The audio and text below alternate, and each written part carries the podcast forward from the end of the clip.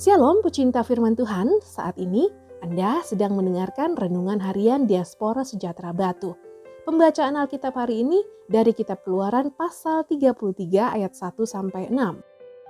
Musa meminta penyertaan Tuhan di gurun. Berfirmanlah Tuhan kepada Musa, Pergilah, berjalanlah dari sini, engkau dan bangsa itu yang telah kau pimpin keluar dari tanah Mesir, ke negeri yang telah kujanjikan dengan sumpah kepada Abraham, Isa, dan Yakub. Demikian, kepada keturunan mula akan kuberikan negeri itu. Aku akan mengutus seorang malaikat berjalan di depanmu, dan akan menghalau orang Kanaan, orang Amori, orang Het, orang Feris, orang Hewi, dan orang Yebus, yakni ke suatu negeri yang berlimpah-limpah susu dan madu sebab aku tidak akan berjalan di tengah-tengahmu. Karena engkau ini bangsa yang tegar tengkuk, supaya aku jangan membinasakan engkau di jalan. Ketika bangsa itu mendengar ancaman yang mengerikan ini, berkabunglah mereka, dan seorang pun tidak ada yang memakai perhiasannya. Berfirmanlah Tuhan kepada Musa, Katakanlah kepada orang Israel, kamu ini bangsa yang tegar tengkuk. Jika aku berjalan di tengah-tengahmu sesaat pun, tentulah aku akan membinasakan kamu.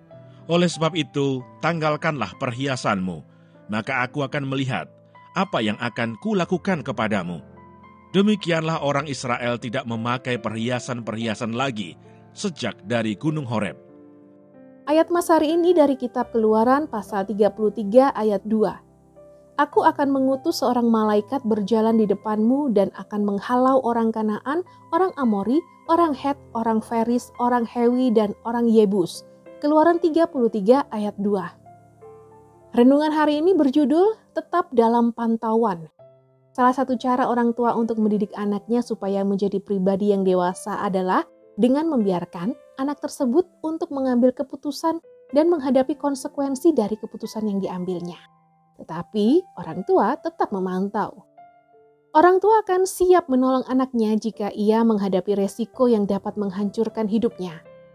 Allah yang telah memimpin Israel sejak dari zaman Abraham, Dia juga Allah yang telah mendidik mereka untuk hidup benar, walaupun bangsa ini sangat tegar tengkuk.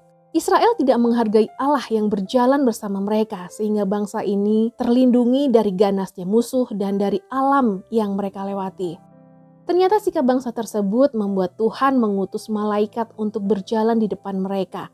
Keputusan Tuhan menunjukkan bahwa bangsa ini sebenarnya tidak memiliki kekuatan dan hikmat untuk menghadapi tantangan-tantangan yang sedang menunggu, sehingga mereka membutuhkan Tuhan.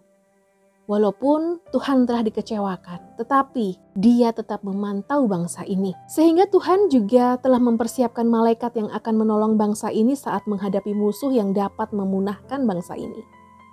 Apakah Anda pernah kecewa dengan Tuhan sehingga Anda undur dari hadapannya?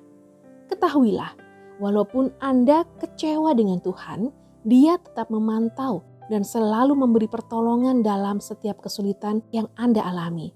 Tetapi Dia tidak pernah memaksa Anda untuk kembali datang kepadanya. Dia memberi kebebasan kepada Anda untuk memilih kembali kepadanya atau tidak.